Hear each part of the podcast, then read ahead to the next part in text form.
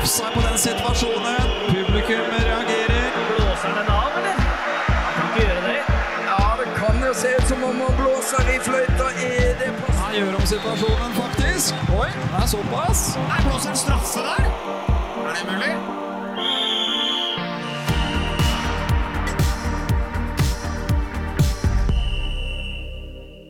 Går det egentlig et skarpt skille mellom idrett og politikk? Hvordan kan vi hindre sportsvasking? Og hvor mye ansvar har egentlig fotballspillere oppi alt dette? Jeg heter Gro Tvedt Andersen, og i denne episoden av Avblåst stiller vi spørsmålet Er fotball politikk? Og med meg i studio har jeg Lise Klavenes, fotballpresident, generalsekretær i Amnesty Jon Peder Egenes, og Erlend Hanstveit, tidligere fotballspiller, og nå leder for NISO, sentralorganisasjonen for norske idrettsutøvere. Velkommen hit. Og vi går rett på sak med en runde rundt bordet. Ja eller nei? Kan vi skille fotball og politikk? Lise? Ja eller nei? Eh, nei, det kan man ikke. Jon Peder? Nei, det kan man ikke. Ellen? Skulle ønske vi kunne det, men eh, jeg er helt enig. Det kan vi dessverre ikke.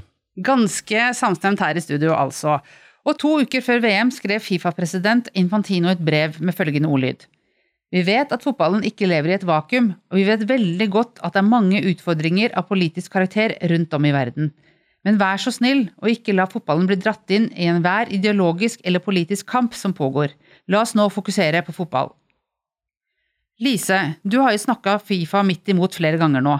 Når Infantino skriver et sånt brev, hva er det han egentlig prøver på? Han prøver nok på å øh, samle, eh, hvis jeg skal prøve å ta hans posisjon. Han er under press, han bor i Qatar, det nærmer seg mesterskap. Han får ikke løst disse sakene før mesterskapet. Han vet at denne saken har blitt en plattform for veldig mange organisasjoner, og det vil ikke bli løst under mesterskapet. Og mange organisasjoner har av gode grunner òg interesse av å eskalere det når uh, søkelyset er på sitt uh, største og mest intense under mesterskapet. Men det er ikke fotball tjent med. Så, så han, det er nok der han er. Men så tar han, mener jeg, han gjør en feilberegning. For innholdet i det han skriver, der er jo riktig. Fotball skal ikke brukes i enhver ideologisk kamp. Fotball skal ikke dras inn i partipolitikk. Fotball skal ikke, på en måte, selv om den har en veldig stor plattform, være ukritisk. Selv om du får sagt veldig mye om det kinesiske regimet i fotball, eller Burma, eller hvilket som helst, så, så er ikke det, det, det er ikke fotballen som først og fremst skal gjøre det. For da har du ødelagt fotballen, for da blir han også brukt til negative budskap. Så budskapet i et vakuum er jo rett, men budskapet er ikke et vakuum. Fifa har sjøl eh, påført død og lidelse. Eh, Fifa har sjøl eh, tildelt dette mesterskapet ved korrupsjon. Fifa har sjøl vært for seint på banen i dette mesterskapet, sånn at det har blitt enda mer død og lidelse enn det hadde trengt å være. Og ergo så er dette ikke generell politikk, men fotballpolitikk og konsekvenser av fotballaksjoner som vi må stå til ansvar for sjøl. Ja, Det er kanskje ikke så rart at Infantino prøver å dra fokus bort fra skandaler eller korrupsjoner, for det har vært ganske mye av det i debatten de siste årene. Og Jon Peder, korrupsjon, vertsnasjoner som bryter grunnleggende rettigheter. Et litt ledende spørsmål, men dette er vel med på å viske ut linjene mellom fotball og politikk, og hvor skal egentlig den grensa gå? Ja, ja det er et ekstremt vanskelig eh, spørsmål. Og jeg vet ikke helt om det går an å si at det finnes en grense mellom fotball og politikk, men det finnes en grense for hva fotballen på en måte skal gå inn i. Um, og den grensen er på en måte, sånn som jeg oppfatter det, helt viska ut i Qatar, fordi at det er så enormt tett kobling mellom fotballen og, og, det som skal til for å spille fotballkamper i Qatar under VM, og de menneskerettighetsbruddene som er utøva mot uh, migrantarbeiderne særlig. Så der er det nærmest, uh, og Lise sa jo det godt i sted, altså det er nærmest uh, fins ingen grenser mellom det. Andre steder så, så, vil jeg mene at det er tydelig hva uh, fotballen ikke skal pålegges. Jeg har på en måte gjort meg til en slags talsperson for at fordi vi ikke kan komme i en situasjon hvor mesterskap bare kan være fra Tyskland og nordover i Europa, uh, så må vi måtte være litt mer målretta når vi stiller krav til idretten når det gjelder politikk. Vi må, vi må nettopp finne de punktene hvor i mitt tilfelle da, menneskerettighetsbrudd og, og, fotball henger sammen. Og ikke si at uh, det er fotballens ansvar å sørge for at det blir ytringsfrihet i Kina f.eks., altså, eller, eller idrettens ansvar. da. Men, men hva er det som faktisk henger sammen med at et mesterskap kommer til et gitt land. Eh, Hvilke rettighetsbrudd er det som liksom direkte henger sammen med det? Blir folk kasta ut av hjemmene sine uten kompensasjon fordi man skal bygge stadion? Blir arbeiderne utnytta? Har de farlige arbeidsforhold? Og der, der har idretten i disse tilfellene liksom et direkte medansvar. Eh, Særlig fordi de har påtatt seg det selv. Både Fifa og andre har jo sagt vi skal følge FNs retningslinjer for menneskerettigheter og, og næringsliv. Så vi må på en måte finne de punktene, hvis de fins, hvor det er et sammenfall. Og så må man stille krav til idretten på det, og ikke på en måte bare si at idretten verken si det eller tro det, at idretten kan løse alle problemer i et land. Og, og så må vi ta hensyn til, som sagt, at det er på mange måter et gode at disse store mesterskapene reiser rundt i verden, at de ikke blir forbeholdt de som på en måte er på norgesnivå når det gjelder menneskerettigheter. Ja, Erlend, noen tanker om hvor grensen skal gå? Ja, først vil jeg si også at litt til det som Lise sier, at det hadde jo vært Du kunne jo sett for deg det motsatte, at Infantino gikk ut og så sa han det at ja, velkommen til Qatar, nå starter mesterskapet. Vi ønsker velkommen markeringer, vi ønsker velkommen det at folk sier fra om eh, urettferdigheten i i landet. For det er jo fullt mulig å se for seg, selv om det virker veldig fjernt nå i den verden og dit vi er kommet nå, så er det jo fullt mulig å se for seg at, at Fifa er en organisasjon som, som, tar den type standpunkt når mesterskapet reiser rundt i verden, sånn som jeg er helt enig i at man ønsker man ønsker at, at verdensmesterskapet skal være et mesterskap som reiser rundt i, i, i, hele verden og sprer gode verdier og sprer det glade budskap og, og sprer eh, ikke minst hvilke forhold man skal ha til mennesker og, og arbeidstakerrettigheter i, eh, i, eh, i Fifa-regi. Um, det ser vi ikke, og der er vi ikke i nærheten av å være. Uh, Qatar er feilslått i så måte. Uh, og så må vi bare håpe at, uh, at det finnes en vei framover der, der at, at, VM kan fungere på den måten så det skal fungere. Ja, Veien fremover, Lise. Hvor bør den grensen gå mellom idrett og politikk? Jeg syns både Jon Peder og Erlend eh, sier det faktisk veldig veldig godt og presist, det er begge to. For det første kan man se for seg et Fifa som gjør det innenfor trygge rammer, som du sier, Erlend, og det er det Fifa vi skal ha. Vi skal ha et Fifa som, som, som, tillater at man spilte med noe som, som, promoterte menneskerettigheter. Fordi det ikke i seg selv er politikk. Og så er det politisk betent. Det er alle ideologiske kamper. Men fordi menneskerettigheter er viktig i en menneskebransje som vi holder på, så, så er jo alle enig i det. Det skriver jo òg Infantino. Han er enig i det, men vil ikke på en måte ta, ta Det er ikke noe transparens i det. Eh, og jeg syns eh, det Jon Peder sier om de politiske grensene, er veldig gode rettesnorer, og det skal faktisk norske Norsk Amnesty ha veldig honnør for, at de har lent seg litt inn og vært ikke det at det er deres jobb å være nyttig, men man får jo mer gehør når man faktisk prøver å avkode inn i den verden man skal inn i. Og det er helt riktig, fotball er så populært, så stort, at hvis vi vi må få lov til å si noe om ytringsfriheten i Kina når vi skal ha kamper der, mesterskap der. Vi må få lov til å si noe om Trump hvis vi skal til USA, eller dødsstraff i USA. Men det kan ikke være sånn at neste debatt nå er at vi kan ikke ha VM i USA fordi der er det dødsstraff. Altså, Da har fotballen mistet sin e, e, e, hele, hele kjerneverdi. Fotball skal spilles overalt. Så jeg syns grensene skal gå der som Fifa Human Rights Policy er. Eh, nemlig at man skal hindre og gjøre veldig gode aktsomhetsvurderinger. Det vil alltid skje noe, det er alltid risiko, men veldig gode aktsomhetsvurderinger før tildeling. Og det vil være dynamisk om det er store eller små mesterskap hvilken risiko vi påfører dette landet for menneskerettighetsbrudd. Og det, Der må vi sette på ekspertise på å gjøre de vurderingene. Og så skal man òg gjøre risikovurderinger og kompensere hvis man har direkte eller indirekte påført det landet menneskerettighetsbrudd. Som et tredje punkt så skal man bruke fotballens leverage til å forsøke å ta opp viktige samtaler. Men det, det er mer som en hvilken som helst aktør. Som Equinor, som den norske stat. Så vi, så vi kan gjøre det. Og det syns jeg er Fifa Human Rights Policy, er, som kom etter tildeling Qatar, er kjempegod. Og så må vi ha et lederskap nå som er nysgjerrig og ikke redd inn i tolkningen av den, og det oppfatter jeg at Infantino er, for han bor i Qatar. Han er veldig redd for å snakke om LHBTQ, f.eks.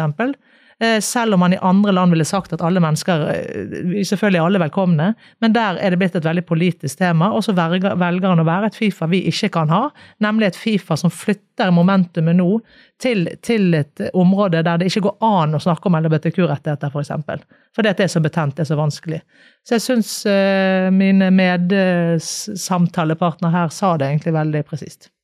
Ja, nå skal vi kanskje over til deg, Erlend. Eh, du representerer jo Lise sier at eh, fotball er så populært, det er så stor, men stort, og du representerer spillernes fagorganisasjon.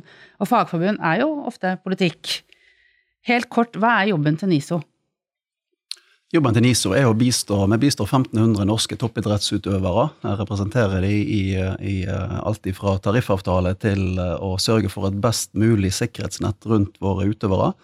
Um, toppidrett er en veldig hva skal jeg si, uh, skjør bransje. Det er bl.a. ingen faste ansettelser, og det er en del av stillingsinstruksen å bli, å bli skada. Uh, så det er en særegen bransje. Um, som også de siste årene for dette er jo ganske ferskt. Har havna inn, inn, i det landskapet som er i nå. At det blir stilt spørsmål rundt både klubbvalg og, og tildeling av mesterskap. Og, og, og der spillerne også havner i situasjoner og spørsmål og problemstillinger uh, som egentlig alle andre aktører i, i idrettsverden. Det syns vi er en bra ting. vi ønsker at, at, våre spillere skal være engasjerte og ta del i disse spørsmålene her. Men så er vi òg veldig opptatt av at uh, det å bli toppidrettsutøver, uh, det er ikke det å, å, bli, å, bli, politiker. Det er ikke det man signer opp for. Um, og man må ha retten til å, til å ikke skulle si noe om problemstillinger som er komplekse, vanskelige, storpolitiske. Um, og der syns jeg egentlig man er i ferd med å finne en balanse. Uh, jeg syns det er veldig positivt at Norges Fotballforbund har tatt et lederansvar så tydelig i i, uh, i spørsmålet rundt eh, Qatar. Eh, det fritar spillerne for en del press, og gjør òg at jeg tror spillerne føler at det er tryggere å tre ut i debatten når man har andre sterke stemmer som er, som er tydelige. Ja, fordi dere er jo også med i FIFPRO, som er den internasjonale fagorganisasjonen for idrettsutøvere. Så hvordan kan fagorganisasjoner være med på å gjøre idretten, fotballen, til et litt bedre sted? Det, jeg tror det er at spillerstemmene i alle typer spørsmål, om det er menneskerettigheter, eller om det er forsikringsspørsmål, eller om det er yrkesskade, eller hva det måtte være, så er, har man ikke en tradisjon for nå skal jeg være litt som fagforening her, for så har man ikke en tradisjon for å involvere spillerne i stor nok grad, eh, på lik linje som, som, historien har vist på andre typer type, andre type fagforeningsarbeid. Um, det er i ferd med å skje, og det er en større bevissthet rundt at våre utøvere har veldig mye å bidra med. Um, men igjen, da, det er den balansegangen mellom hvor, hvor, langt man skal dra de ut på områder som egentlig ikke er kjerneområdet til, til spillerne. Der skal vi være litt forsiktige. Kanskje et, sak, et, et, felt som kanskje definitivt ikke var spillernes kjerneområde, var jo egentlig hele denne debatten rundt Qatar. Og du representerte jo NISO og spillerne inn i Qatar-utvalget som NFF satte ned våren 2021. Hva er det som var viktig for dere i det arbeidet? Først si at det, Jeg syns det, det var et nybrottsarbeid. Jeg tror kanskje ikke det er blitt gjort før. Um, og det får sette seg ned og gå så grundig inn i en tematikk som man ikke har gjort tidligere. Uh, tidligere så har mesterskap dreid seg om sport, og i hvilken grad man kan prestere. Uh, nå utvider man det noe voldsomt til å, til å dreie seg om uh, kafala-systemet og minstelønnordningene i Qatar. Um, plassering i regionen, første mesterskapet i Midtøsten som man var inne på her. Uh, og vi fikk på en måte gått i dybden uh, på en måte som ikke har blitt gjort før. Um, og så er det klart så var det harde diskusjoner og uenighet, og man kom til noen konklusjoner som jeg syns har blitt fulgt opp på en overraskende god måte. Uh, det ble lagt en del føringer og en del oppfordringer fra Qatar-utvalget, som har blitt eh, Der har hansken blitt plukka opp, syns vi. Eh, og ikke minst, igjen, som jeg sa, man flytter ansvaret dit det hører hjemme, til de som er beslutningstakere for hvor, for hvor et mesterskap skal ligge, og hvordan det skal gjennom, gjennomføres.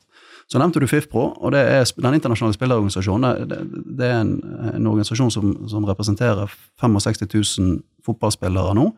Eh, en ganske slagkraftig og vil jeg mene en ganske progressiv, framoverlent organisasjon, som er på rett plass i de spørsmålene her, og som òg er veldig verd å lytte til, uh, involvere seg, uh, ha et veldig, hva skal jeg si, tett og godt samarbeid med både ILO og Internasjonale bygningsarbeiderorganisasjon rundt de spørsmålene her, har sydd sammen uh, på en veldig fin måte fotballspillere som arbeidstakere og bygningsarbeiderne i Qatar som arbeidstakere. Det er jo en helt absurd uh, link, egentlig. Det kommer det som mange vil mene er overbetalte fotballspillere uh, til Qatar og skal utøve jobben sin på stadioner som er bygd av arbeidstakere som er dramatisk underbetalt, som vi vet. Um, men likevel så har man klart å finne en type, et type fellesskap der, at man kan snakke med samme stemmer og løfte de samme spørsmålene. Det tror jeg er en, en link som er verdt å å, å dyrke videre. Lise Erlend var inne på at eh, det arbeidet i Qatar-utvalget var med på, eller bidro til å eh, plassere ansvaret der ansvaret hører hjemme. Eh, Hvorfor tror du Qatar søkte VM, og har det egentlig lykkes i det som eventuelt da var målet? Jeg skal jo ikke gå inn i motivasjonen for Qatar til å søke VM, men jeg tror det er nokså åpenbart at de snakker sant når de snakker om at de ønsker å modernisere landet, de ønsker å være med på den store globale scenen, og da hva er bedre måte å gjøre det på enn via sport, eh, og via den største sporten og, og, som er i verden. Eh, Så, så jeg, jeg, jeg har lite tro på at et eh, land sitter, eh, og en stat sitter i en sånn konspiratoriske på en måte, møter og tenker nå skal vi dekke over menneskerettighetsbruddene her hjemme, så nå gjør vi sånn eller sånn. Jeg, eh, men det vil jo bli en konsekvens, fordi at mesterskap har så Det er så stort utstillingsvindu. Det er så egnet å skape begeistring. Så, så øh, den befatningen jeg har hatt med qatarske myndigheter, og det har vært mye etter hvert, er at det absolutt er et land som er all in i å arrangere dette mesterskapet her. Det er et land som på en eller annen måte har hatt en vanvittig reise fra 2010 og fram til i, i dag, øh, på alle måter, og noen negative utviklinger og noen positive utviklingslinjer. Eh, Men at det er et land som i større grad enn Saudi-Arabia f.eks. ønsker å møte kritikere, og skjønner at de må det. Så vi har jo hatt tilgang på masse mennesker, mye mer enn jeg hadde trodd. Og hatt mange, som du sier litt egentlig, Erlend, det er jo noen linker man ikke trodde man skulle ende opp i. Jeg har jo sittet og snakket om homofiles rettigheter med qatarske myndigheter i Doha flere ganger.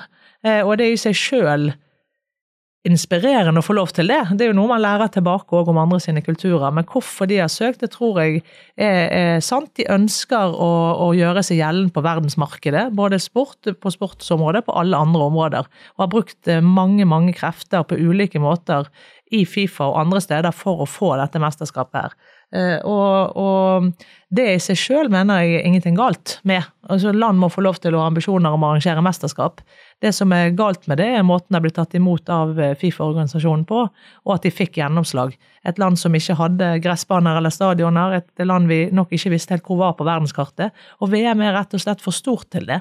Så selve tildelingen var et overgrep mot eh, sporten. Ikke at de, de kunne få tildelt en, en kamp i en eller annen sammenheng, man kunne hatt eh, et eller annet arrangement der, men å begynne med VM, det sier seg sjøl at der er det noe eh, veldig mistenkelig ved, ved selve tildelingen, og det var i seg sjøl noe man burde reagert kraftigere på i, i verdenssamfunnet enn man gjorde i 2010. For en gangs skyld er det litt sånn nyanseforskjell i meninger mellom Lise Klaveness og meg. Det er gøy. Um, fordi at jeg, jeg tror, altså, ja, hovedhensikten, og den er helt åpenbar, er å altså, Folk visste jo knapt at det fantes et land som het Qatar før ikke bare fotball-VM, for de har jo hatt mange, mange idrettsarrangementer før dette. Og så det er, liksom, det, er en, det er en gigantisk, ekstremt dyr PR-øvelse. La oss vise oss fram. Og, og det har de ganske gode grunner til. Um, men jeg tror også at de bevisst går etter de arrangementene som er så store, så, så eh, enormt dekket, at de kanskje nettopp kan skyve de mørke sidene bort, eller i hvert fall trodde de kunne skyve de mørke sidene bort i skyggen av dette vanvittige mesterskapet som et, et fotball-VM er. Og Det bare slo meg akkurat nå mens Erlend snakket, at vi sitter jo her tre mennesker som enten fordi den vi er, Lise, eller fordi det vi driver med, hadde vært forbudt i Qatar. Altså Ingen av oss hadde fått lov til å operere sånn som vi ønsket hvis vi hadde bodd i Qatar. Eh, og det er jo liksom, det er på en måte grunnproblemet her. Um, uh, fordi at uh, hvis um, FIFPro uh, ikke bare kunne snakke med arbeidere, men kunne snakke med organiserte arbeidere, så hadde jo situasjonen sannsynligvis vært veldig veldig annerledes i Qatar enn det den er. Um, jeg tror også at det er en side av dette som har vært veldig lite framme. og det er på en måte den litt sånn sikkerhetspolitiske grunnen Qatar kan ha. Fordi at Qatar er jo på en måte klemt inne mellom to stater som er mye større, mye mektigere, mye mer kjent, som er veldig aggressive overfor dem. Og Qatar hadde nok et veldig behov for å si 'vi fins, se her er vi', eh, for å beskytte seg mot Saudi-Arabia og Emiratene, som er veldig aggressive mot dem. og jeg var sammen med en forsker i går som er en av de få i Norge som forsker på Qatar, og hun sa Qatar har allerede vunnet VM, for nå vet alle hvem Qatar er, og de er ikke et så lett bytte for fiendene sine som det de ville vært før det. Eh, Noen vil kanskje si at det er et positivt eh, utslag av VM. Og Det skal ikke jeg bestride, for så vidt. Nei, så Mitt poeng er litt at enhver, eh, ethvert land som søker mesterskap, har et nasjonalistisk prosjekt. Og det er det i seg sjøl ingenting galt med. Sånn er det for Russland, sånn er det for Norge når vi søker EM 2025 for kvinner. Vi ønsker å, å, å løfte kvinnefotballen i Norge. Vi ønsker å binde sammen Norden som en aktør inn i og få fram demokratiet. Og, og, noen er jo mot det vi står for. Sant? Så det, det er et prosjekt vi det ligger idrettspolitiske grunner under, da. Men forskjellen her, som du sier, er jo at kanskje hovedgrunnene ikke sportslige, kanskje de først og fremst statlige, og det er jo uvant. Vi, vi går jo ikke til myndighetene i Norge og spør om de vil være med, og vi gjør det for vi ønsker finansiering av Oslo, og Trondheim, eh, men det er jo Norges Fotballforbund og svenske fotballforbund danske som driver fram og holder på å planlegge lenge før vi blander staten inn. Så det er klart, det er uvant for oss å, å håndtere. Kan jeg bare skyte inn der? Jeg syns det er veldig interessant det der òg. Vi snakker om sportsvaskingbegrepet òg, og det er jo litt sånn, det høres ut som du skal du skal vaske vekk noe, så, noe sånn støv og dust, eh, dust som, ligger, som, ligger, der. Men, men, men, det er jo sånn som du, så du sier, at, at, det er jo storpolitiske spørsmål her som gjør seg spillende, som er mye tyngre enn det at man bare skal pynte på noe. Og det er klart Når det er så store krefter i sving, um, så er det også klart at da må òg våre politikere på banen og vårt næringsliv på banen. Uh, og Da kan man ikke begrense det til bare å gjelde, gjelde fotball. Erlend, du nevnte sportsvasking, og det passer veldig bra, for det er neste tema. Og sportsvaske ble kåret til årets nyår i fjor av Språkrådet. Ordet brukes når en stat, en bedrift eller en organisasjon investerer i sport for å trekke oppmerksomheten bort fra kontroverser og kritikkverdige forhold. Qatar-VM må vel kunne sies å være et ganske stort eksempel på sportsvasking. Så Lise, jeg lurer på, hvor utbredt er sportsvasking i fotballen, kanskje også sammenlignet med andre sporter? Ja, det, det, det, klarer ikke jeg å på noen måte tallfeste eller kvalifisere, men i og med at fotballen er den største idretten i verden, har den største kraften og har en magnetisk kraft, i tillegg til at supporterne er liksom en del av det, så du får òg en ekstrem sånn tilhørighet, og du kommer liksom inn i ikke bare hvis du sammenligner med langrenn, håndball, andre flotte idretter, så, så, så har de ikke samme supporterkultur, der supporterne anser seg sjøl som en del av eh, selve spillet, som en del av produktet.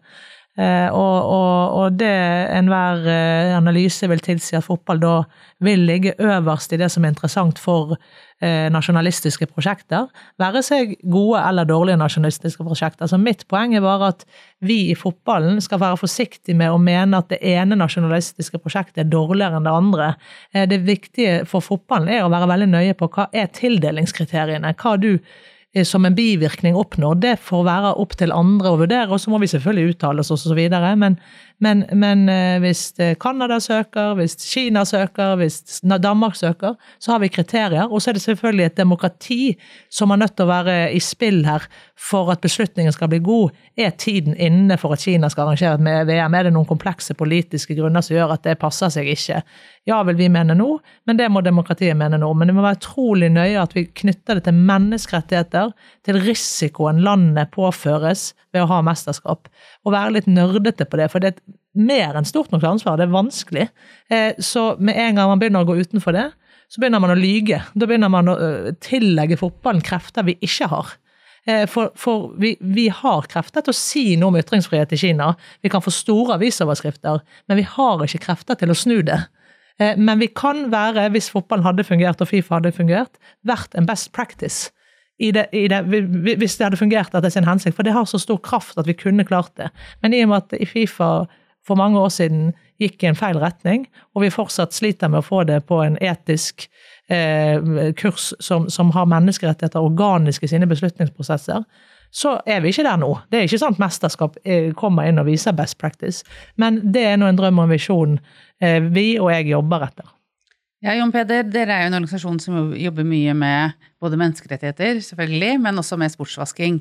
Hvordan er det Amnesty jobber med dette temaet? Ja, altså, vi, vi, gjør jo det motsatte av sportsvasking. Altså, hele vår, vårt DNA, vår uh, Grunnen til at vi finnes, er jo å avsløre uh, menneskerettighetsbrudd og publisere dem. Det er, det er, på en måte vår endringsteori, at hvis du avslører på en uh, skikkelig måte, dokumenterer på en god måte og publiserer det du finner, så ligger det forebygging og, og, og stoppeffekt i det. og så der vi på en måte møter supporterkulturen særlig da, i, i idretten, det er at vi, hensikten vår er også å mobilisere folk. Vi har, liksom, vi har ikke tro på at myndigheter leverer menneskerettigheter på et sølvfat i folket sitt. Det ser vi fra Norge. Liksom, det har kommet gjennom folkelig press, press unnfra, øh, krav om endringer. Se på gatene i Iran i dag, ikke sant. Um, Sånn at vi forsøker da å motvirke sportsvaskingen ved å, ved å si det motsatte. Altså Hvis noen prøver å kaste menneskerettighetsbruddene inn i skyggen, uh, så vi sier vi nei, det skal fram i lyset. Det er, det er på en måte ikke tilfeldig at du forbinder tortur med mørke kjellere under fengsler, eller at det har blitt en praksis å la folk bare forsvinne hvis de er opposisjonelle, eller til og med bli drept uten at noen tar ansvaret for det. Dette er ikke noe og vi, og vi, ser det jo i, i Qatar i dag. ikke? Altså, dette er jo ikke noe myndigheter skryter av. det er ikke noe, er, Qatarske myndigheter går selvfølgelig ikke ut og sier selvfølgelig tråkker vi på disse fattige folka som vi kan tråkke på. De sier jo snarere det motsatte. Vi gjør alt vi kan for at de skal ha det best mulig. Og, så- og så må noen på en måte si dem imot. da. Og det er, det er vår rolle i dette arbeidet. Erlend, du la opp som eh, fotballspiller for eh, åtte år siden. Og det å kjøpe seg til bedre omdømme var kanskje ikke like utbredt da du la opp, som den utviklinga vi ser nå. Men hva tenker du om, om, om det vi ser nå? Jeg tror du har rett i det at, uh, at dette er problemstillinger som er kommet de siste årene, i hvert fall mer til syne, selv om fotball alltid har vært eh, involvert i, i politiske diskusjoner, og blitt brukt av politiske regimer til, til, til alltid. Men, uh, men du kan si, jeg tror kanskje litt det poenget med at uh, klubbene tidligere var mer uh, hva skal jeg si, geografisk avgrensa. Uh, en, en by hadde en klubb, og, og, og, det var supportere som bodde i den byen, og som var tilknyttet den byen, så heia på det laget på de spillerne som bodde i den byen. Den tid er jo forbi, uh, og det forsvant jo sånn gradvis utover jeg vet ikke, 90-tallet, kanskje.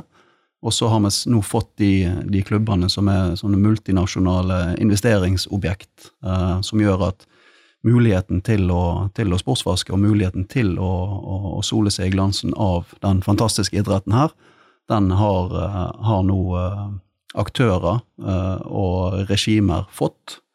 Og de blir ikke satt begrensninger på i stor nok grad. F.eks. I Premier League, der vi ser at rettighetene til å eie en klubb ser ut til å være helt Du har blankofullmakt til å, til å investere uansett hvor du kommer ifra. Og det, det, det er en trussel mot fotballen. Det kan ødelegge hele, hele toppfotballen uh, på sikt, hvis, hvis det der får, uh, spille fritt. Vi, vi bekymrer oss for det samme, at eh, vi, tar, vi tar for gitt For fotballen sitt interesse for fotballen har økt. Sant? Så selv om det man tanker at det, dette med kapitalismen i Premier League vil ta fra folk på en måte tilhørigheten og sjelen, og de vil ikke være interessert, så er interessen større enn noen gang. Så, så den, er, den er intakt. Altså, folk har fortsatt den tilhørigheten, og det at det kommer penger til en klubb, eh, er, altså det at du har eh, litt sånne glory makers som Simon Cooper, eh, Simon Cooper kaller det for, han, eh, en forfatter eh, fra Midtøsten. Ikke nødvendigvis noe verre enn moneymakers fra USA, for, for de vil ta penger ut av fotballen. Altså, så, så etisk kan, kan man jo diskutere alt, men eh, det må jussen vi, vi må ha kriterier for eierskap. Eh, og det er vanskelig å regulere, det vet alle lovgivere, det er vanskelig å regulere at du får ikke lov til å bo i Saudi-Arabia og eie noe, f.eks. For eksempel, eh, fordi vi liker ikke Saudi-Arabia. Eh, og hvis man sier ja, men det kan ikke være statlig eierskap, ja, men så lager man jo en annen selskapskonstellasjon som, som er utenfor staten, men som allikevel er bindinger. Så, så det er ekstremt viktig at dette ikke bare er juss, men det er trykk fra eh, mediene, eh, supportere, eh, og ikke minst at lederne som velges, og at man er opptatt av valg av ledere. Og det er man ikke. Man er ikke opptatt av valg av ledere. Eh, Det, du har Infantino, han er jo en kjent figur, og så eh, vet jo noen hvem fotballpresidenten er i landet av ulike grunner, men vi er ikke nok opptatt av det demokratiet vi er en del av, verken i Fifa, Uefa eller i de ulike forbundene. Og der tror jeg det ligger en nøkkel, ikke nødvendigvis de menneskene blir valgt, men hvilke diskusjoner har du? Eh, Hva, strømninger er det som gjør at du velger denne lederen? Er det en som ønsker transparens, har vist det før, er opptatt av solidaritet, er opptatt av demokrati? Eh, Selv om de ikke klarer å svare på alle verdens utfordringer. For det, det, det er jo det som ofte skjer, at du blir lammet av alle. Hva med Iran? Hva med Nei, men vi må ha ledere som, som eh, har kompetanse til å dra det i en eller annen retning, og en interesse for hvem er de. Og de finnes jo i alle land. De finnes jo i administrasjonen, de finnes rundt omkring. Men det er ikke de nødvendigvis som blir valgt, det er min erfaring. Det finnes dyktige folk der ute, men Så jeg bekymrer meg veldig for det fremover. Selv om interessen er på sitt største nå, så tror jeg plutselig, og det vil skje plutselig, så vil det gå for langt for i hvert fall de delene av verden som vi er en del av, til at vi klarer å være med på det lenger. Og så har man på en måte ødelagt den globale fotballen eh, og den vanvittige kraften og verdien det har i mitt liv, Erne sitt liv, Jon Peder sitt liv, eh, og, og barna våre sitt liv. Så, så, det er jo en drivkraft i den kampen, eller hva skal jeg si, engasjementet vi føl, fører nå. Vi klarer ikke å gjøre alt, men vi kan gjøre noe for å påvirke i en annen retning. Vi, vi, vi, vet ikke helt hvor den ender, men vi må gå i en annen retning, og det må være en bølge. For det er ikke ett vedtak eller én leder, det er ikke Infantino alene, det må ingen tro. Det At du bare bytter han ut, og så går det bra. Nei. Det er en hel kultur som skal endre kurs mot ja, det skal være revenues, vi skal ha marked, det skal være kommersielt, men vi skal være en aktør som alle forbinder med gode og etiske beslutninger. Transparens, etiske beslutninger. Jon Peder, i et uh, intervju i Dagsavisen i 2019 så sa du at du angrer på at dere begynte altfor seint med arbeidet i forkant av Beijing-OL, og at dere fikk gjort altfor lite. Hva har dere gjort annerledes i forbindelse med fotball-VM i Qatar?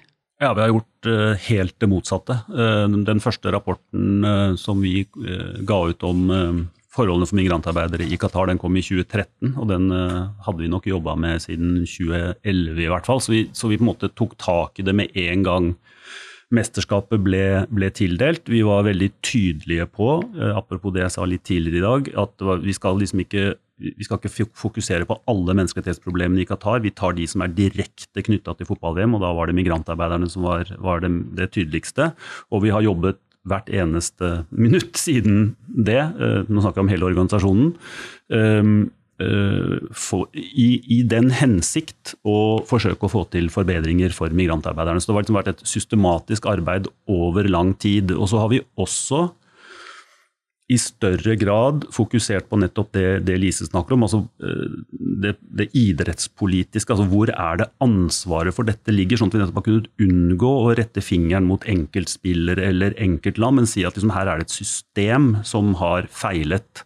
Et system som Riktignok ikke før 2010, men etter 2010 liksom har, har, laget noen regler og følger de, de reglene. Hvordan er det? Fordi at det jeg tror, og nå beveger jeg meg inn på et område jeg kan uh, for lite om, men, men, disse store idrettsorganisasjonene er kanskje for avhengige av enkeltpersoner. altså De har ikke gode nok systemer til at ikke enkeltpersoner på toppen kan på en måte misbruke dem. Så jeg tror at det er viktig å få på plass andre systemer og prinsipper i Fifa eksempel, som gjør at man kan tåle en dårlig leder, for å si det sånn. Altså at, at at demokratiet, at, at eh, beslutningstagerne at beslutningene blir spredt på flere, eh, som ikke alltid hjelper. fordi at eh, Hvis 200 skal stemme, så kan vi på ingen måte regne med at alle stemmer med Norge. for å si det sånn.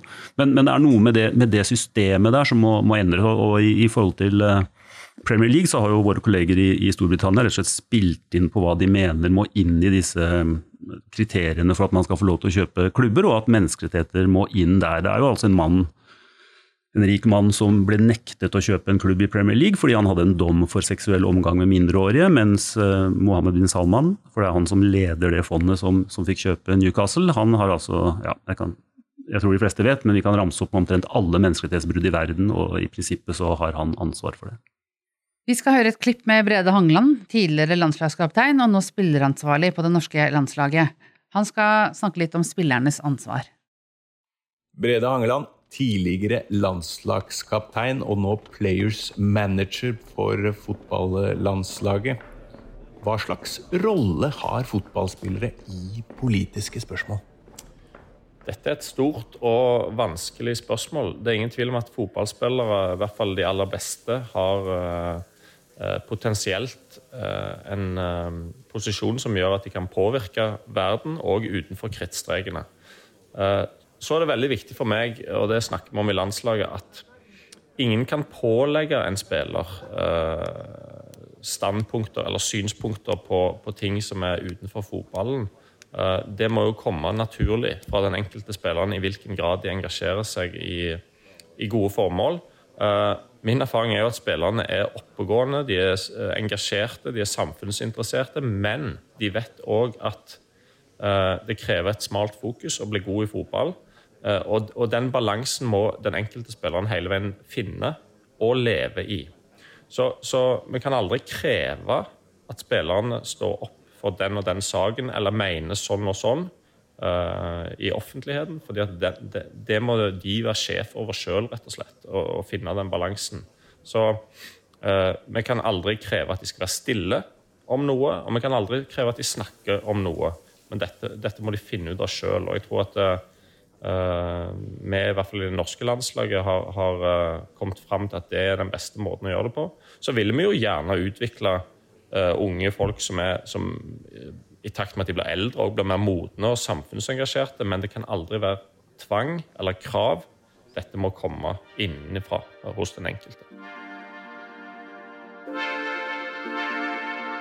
Erlend, som, eh, som, vi har hørt i dag, men også utenfor podkaststudio, så er det jo en debatt om sponsorater og eierskap i fotballen. Men også om hvilke ansvar spillerne selv har.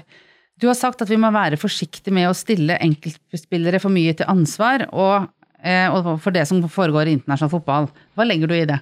Jeg tror den uttalelsen kom vel i forbindelse med et, et spesifikt klubb, klubbvalg. Eh, og for å forstå klubbvalg i, i fotballen, så skal man òg forstå det litt sånn hvordan eh, overganger i, i eh, annet overganger i, i toppfotballen fungerer. Fordi at Som fotballspiller så er det jo ikke sånn at man setter seg ned og skriver en søknad om å, om å få komme til en klubb. Um, da er det jo sånn at, uh, at uh, man er ansatt i en klubb, og så kommer det et bud på deg. Uh, og så har du plutselig en situasjon der det står en klubb som er villig til å betale gjerne 10 millioner for deg. Det er en klubb som veldig gjerne ønsker å selge deg, som presser på for at du skal forsvinne fra klubben. Det er en agent som er involvert og ønsker å få til en handel. Uh, og dermed så har man veldig sånn Det er vår erfaring at, at spillerne har ofte veldig litt sånn styringsrett over rett og slett hvilken klubb man havner i. Uh, og det er veldig spesielt for fotballspillere, som gjør at det er veldig vanskelig å sammenligne det tenker jeg, med, med øvrig, med øvrig uh, arbeidsliv. I det bildet der så er det utrolig vanskelig å skulle navigere seg inn på, på eierstrukturer og, og, hvilke bakenforliggende krefter som ligger i, i, i klubbverden i Europa. Og nå snakker vi ikke bare om de, de øverste klubbene, men, men, alle de 100 klubbene som opererer. sånn at det der er en veldig vanskelig problemstilling for, for fotballspillere å, å ta. Um, når det er sagt, så ønsker vi jo, og da tror jeg det er en sånn modningsprosess som, som, man er inne i nå, eh, som kommer litt i kjølvannet av de diskusjonene som nå går, uh, og bevisstheten rundt, rundt disse spørsmålene her, så tror jeg òg at spillerne i, i framtida vil ha større, uh, en større bevissthet rundt disse temaene her. Um, men det må, det må, på en måte modnes litt, tror jeg, eh, i takt med at eh, bevisstheten rundt, eh, rundt disse spørsmålene her blir større. Og det er en god ting. Det er diskusjoner og debatter som drives fram av menneskerettighetsorganisasjoner og, og andre, supportere, forbund, hva det måtte være. Um, og så håper jo jeg òg at vi kommer dit en plass der framme at, uh, at, spillere har et bevisst forhold til, uh, til uh, hvilke klubber man går til. Men det krever jo at man veit litt om disse klubbene, at det ikke er skjulte strukturer som, som, som ligger bak her som man ikke får innsyn i, rett og slett. Det er veldig krevende øvelse å skulle navigere i det landskapet der for spillerne. Ja, Lise, hva tenker du om enkeltspilleres ansvar? Jeg, jeg, tenker mye det samme som, som Erlend. Jeg tenker at eh, som i enhver eh, ja, samfunnsområde eh, eller eh, aktører, selskap, så, så, har man ulikt ansvar og ulikt eh, myndighet. Eh, og spillerne, de er ikke politikere.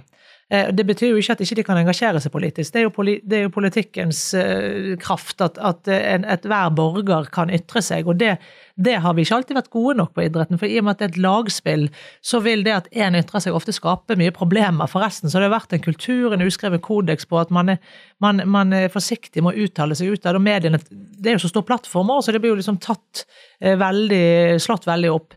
Så det, det, har, det, har, det vært en modning på, at, øh, og, og, vi har vært veldig tydelige fra Norges Fotballforbund, og det har vært mange interne diskusjoner rundt dette, at vi spillere som ønsker å ytre seg, må ikke bare få lov til det, men vi, vi, må snakke om det. Vi må snakke om hva betyr det du, du kan gjøre det, det selv om det skaper problemer øh, for en annen spiller på laget. Eh, det er ikke dermed sagt at du kan gå ut på banen og ta på deg det du vil, for det, det, det er, er, veldig viktig at den flaten der er så upolitisk som vi klarer. Eh, ikke fordi den ikke er polit det har vært politikk som har gjort at kampen foregår der det er. altså Dopapiret du kjøper er politikk, men vi ønsker at fotballflaten skal være tilgjengelig for Arbeiderpartipolitikere, Fremskrittspartipolitikere, muslimer, kristne, homofile. Eh, og, og, og, for at den skal være det, så må den jo faktisk ha sitt eget språk som er ganske uladet. Eh, og, og, da er det ikke så greit at folk kommer med sharia-lovgivning på T-skjorten sin, ei heller kristne slagord, selv om eh, man i del av det landet kan mene at det er riktig. Eh, så det der er veldig komplekst, og når det er så komplekst, så, så, er det veldig veldig viktig for oss i Norges Fotballforbund, og for meg som øverste valgte leder for dette området, å ta et så stort ansvar for dette, for det har vi. Vi er valgt til å ta det ansvaret. Sånn at det skal være fritt fram å engasjere seg eh, eh, på en måte i, i, i, ly av det, på siden av det, men at det ikke skal oppleves som et ansvar spillerne har.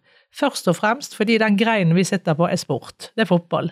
Eh, og for å bli god i fotball, verdens største idrett, så krever det for mange fullt fokus. Det betyr ikke at det er bra eller dårlig, men det betyr at det vi driver med, er så stor konkurranse at du, for å bli god i det, så må du ha fullt fokus. Vi kan ikke samtidig be deg om å, å, å satse på fotball. og det, det, det, det her, her, er strukturene. Hvis du, du, du, får belønning for å komme på landslaget. altså Det er high risk, high reward. Og så skal uh, vi deretter kaste spillere ut i utrolig uh, komplekse pressekonferanser, uh, der òg det de sier, går over hele verden det blir litt som at eh, Jon Peder skal ut og spille eh, fotball. Altså, for det er nå tross alt en kompetanse du har, Jon Peder, når du snakker om disse tingene. Jeg lærer jo masse av deg når du snakker om eh, sikkerhetspolitiske grunner til at Qatar søkte, f.eks. Det er jo kompetanse du har. Og spillerne de skal i grunnen ikke ha den kompetansen så kan det jo være saker som er så ille, det har gått så langt, at, at, du rett og slett må som en spiller stå til ansvar for det du blir assosiert med som menneske. Du ville blitt det i alle sammenhenger. Eh, eh, så, så, men, men, det er nå en annen greie enn at vi skal strukturelt pålegge spillere ansvar for hvem som eier City, eh, Arsenal eller andre klubber. Så, så en veldig drivkraft i min jobb er å, er å lene oss skikkelig inn i disse dilemmaene, være en endringsaktør og ønske velkommen spillere som vil uttale seg, for vi vet at det har kraft. Men det har først kraft når de har tenkt veldig gjennom det, når de kjenner at de er villige til å ta risikoen, og da må det komme fra de sjøl. Og de ringer gjerne, de prater med meg. Jeg har hatt flere spillere som har engasjert seg i Qatar-saken, og profilerte spillere som ikke har gått ut med det, som kanskje gjør det en gang. For de har satt seg inn i det, de har møtt eh, bygningsarbeidere, meg og Erlend har vært med å organisere dette, men det har ikke vært noe medieoppmerksomhet rundt det, det har vært ekte fra spillerne sjøl. Ja, nå er vi inne på det som handler om ansvar for det som foregår i internasjonal fotball. Eh, Jon Peder, hvem bør holde seg ansvarlig?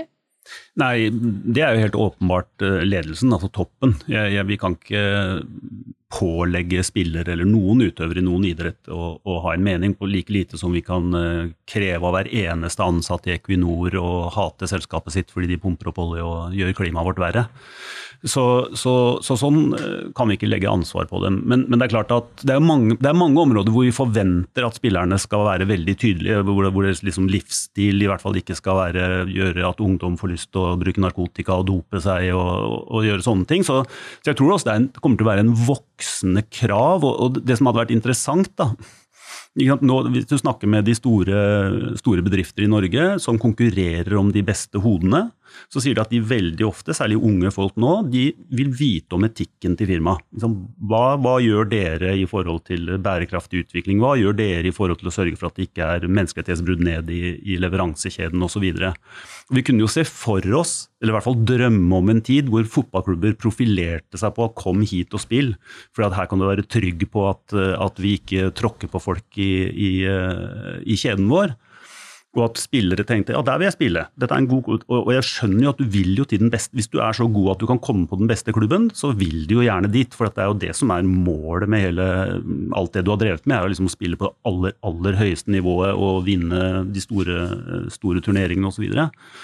så jeg, jeg, jeg, håper, og jeg ser jo også litt grann av at en, en utvikling i retning av at uh, Thorsby har jo sagt det, at han valgte litt klubb han kan jo ikke velge på det samme nivået som enkelte andre spillere, men han liksom valgte litt klubb etter det, og at han ville valgt en klubb litt etter det. Og kanskje vi får litt flere sånne etter hvert, da. Men det, altså, jeg kan ikke kreve av en 21-åring at han skal melde seg inn i Amnesty og bli menneskerettighetsaktivist.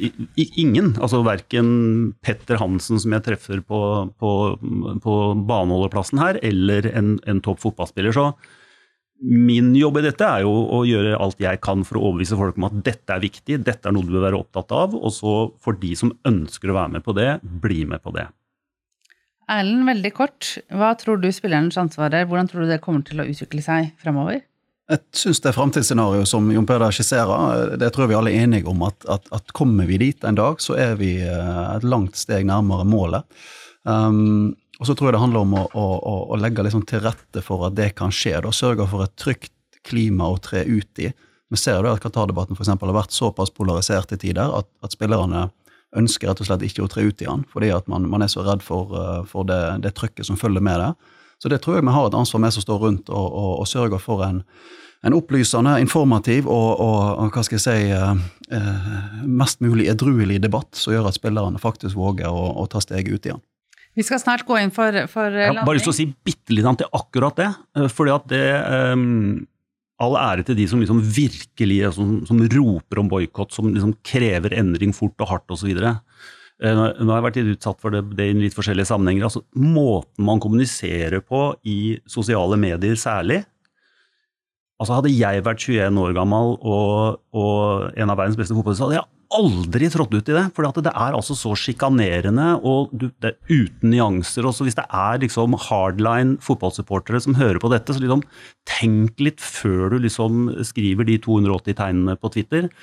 Um, fordi at det, altså, du, du, opplever at du er liksom verdens verste menneske fordi du ikke har gjort akkurat det de ønsker. Så um, debatt er bra, men uh, tenk litt igjennom hvordan man uh, formulerer seg. Vi skal gå inn for landing, men vi skal ta en rask runde rundt bordet. Er det noe håp, eller vil pengene alltid vinne? Lise? Altså, penger er et byttemiddel for noe, og fotball vi ønsker at det skal være den største og mest attraktive idrett. Så ja, det er håp for fotball. Vi må jobbe beinhardt for det. Vi bekymrer oss. Men, men at penger skal være den store, stygge ulven Nei, det, vi må få inn strukturer som gjør at vi kan tjene mye penger til aktivitet i fotball, og at vi har ledere som ikke putter det i egne lommer, men inn igjen i aktiviteten. Og det, det går an. Vi må jobbe hardt for det. Ellen? Jeg tror det, det spillet har så mange dimensjoner, det er så utrolig mye fascinerende i fotball. Det favner høy og lav og, og uh, kristen og muslim og hva det måtte være. Det er, et, det er en global sport. Um, må bare sørge for å, å reparere den. Jon Peder? Ja, jeg, jeg, er evig optimist. Eh, og jeg, bare den reisen som særlig norsk fotball, som jo er liksom langt foran eh, de aller aller fleste andre, men jeg ser også antydning til det andre steder, har gjort bare nå i løpet av de siste kanskje halvannet årene, er jo et eh, tegn på at det kan gå i riktig retning. Men, men det er ikke gitt, så det må jobbes hardt. Lise, du skal til Qatar, ikke for å se på VM, men for å påvirke. Jon Peder og Erlend, skal dere se på VM? ja, jeg har sagt at jeg har liksom mist, Jeg er jo helt fotballidiot, uh, men jeg har liksom mista litt lysten, og det er jo det er en yrkesskade på en måte med dette. Men samtidig så vet jeg at uh, hvis det drar seg til i åttendelsfinalen og det er eh, England-Tyskland, så har, ikke jeg sagt at jeg skal ikke se et minutt av fotball. jeg er en person med, som ikke alltid klarer å være så ekstremt prinsippfast når det gjelder fotball. Erlend? Nei, det er litt, det er litt, jeg kommer til å se betydelig mindre fotball i Qatar-VM enn jeg ville sett hvis det gikk i et, uh, i et annet land. Um, men jeg er der òg at hvis det, hvis det, drar seg til, så, og, men òg av interesse, bare rett og slett for å se hvordan dette her fungerer og spiller seg ut. Det, det mener jeg også er en del av, av jobben, å få, å få, det med seg. Og så kommer jeg til å følge det tett gjennom ja, våre representanter som er på plass i Qatar, og alt som utspiller seg rundt. Og med det så runder vi av denne sendingen av Avblåst. Takk for at dere stilte opp.